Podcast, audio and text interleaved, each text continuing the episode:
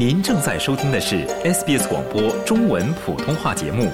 更多节目内容，请浏览 sbs 点 com 点 au 闲斜杠 mandarin，或下载应用程序 SBS Radio App。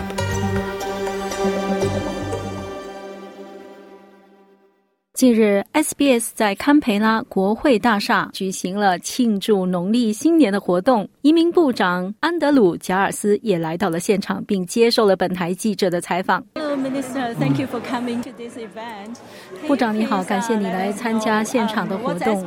请问，作为一名部长，SBS 在你的心目中，在多元文化中是一个什么样的角色呢？I think there's two really special things about modern Australia, and it's 我想在澳大利亚的现代多元文化当中有两个很特别的元素，一个是我们的原住民文化传承，一个是多元文化的礼物。我想这总结了 SBS 为每个澳大利亚人所做的事情。SBS 让我们可以用自己的语言听到反映我们自己足以生活的内容，这使得每个人都为他们把自己的文化带到澳大利亚而感到骄傲，而且可以把自己的文化跟每个澳大利亚人一起分享。所以 SBS 是澳大利亚特有的，这也是我为之感到非常骄傲的。 That's um how many New 因 Years 此，你 do you 一年要 celebrate? 庆祝多少个新年呢？ Well, I feel very lucky um, in that. uh, In the role that I have as Minister for Multicultural Affairs, I get invited to so many events and I get to eat too much. Uh, 作为多元文化部的部长，我觉得为自己的工作感到非常的骄傲。我经常受到邀请去参加不同的新年庆祝活动，所以我也吃的太多了。不过我觉得这些节日都是非常重要的，特别是春节，对于华人社区来说，对于对于韩语社区来说，对于越南语社区来说，都是一个非常重要的节日。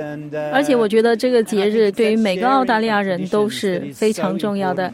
现在很多澳大利亚的孩子都很喜欢春节，而且很多的孩子都知道春节的时候可以拿到红包。我觉得分享传统的节日，对于建立一个澳大利亚的多元文化社区是非常重要的。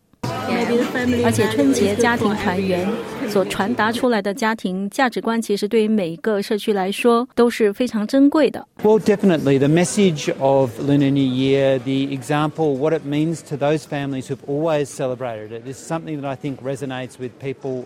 确实如此，春节的家庭团圆所传达出来的家庭的价值观，在各个族裔之间都引起了强烈的共鸣。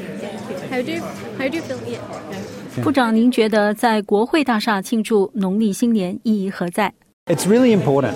It's really important. Um, this is a building that represents every Australian, and it belongs not to the members and the 这是 senators, 非常重要的。国会大厦代表了每个澳大利亚人，是属于每个澳大利亚人所有的，而不仅仅是属于在这里面的工作人员或者是议员所有。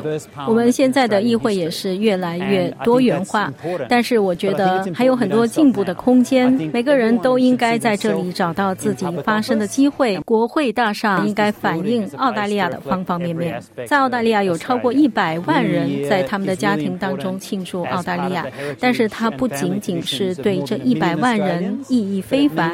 春节对于澳大利亚的两千七百万人来说也是非常重要的一个节庆活动，所以我认为我们应该在国会大厦庆祝春节。与此同时，同时像德瓦里、Ramadan 这样的来自不同文化的节庆活动，都可以在国会大厦举行。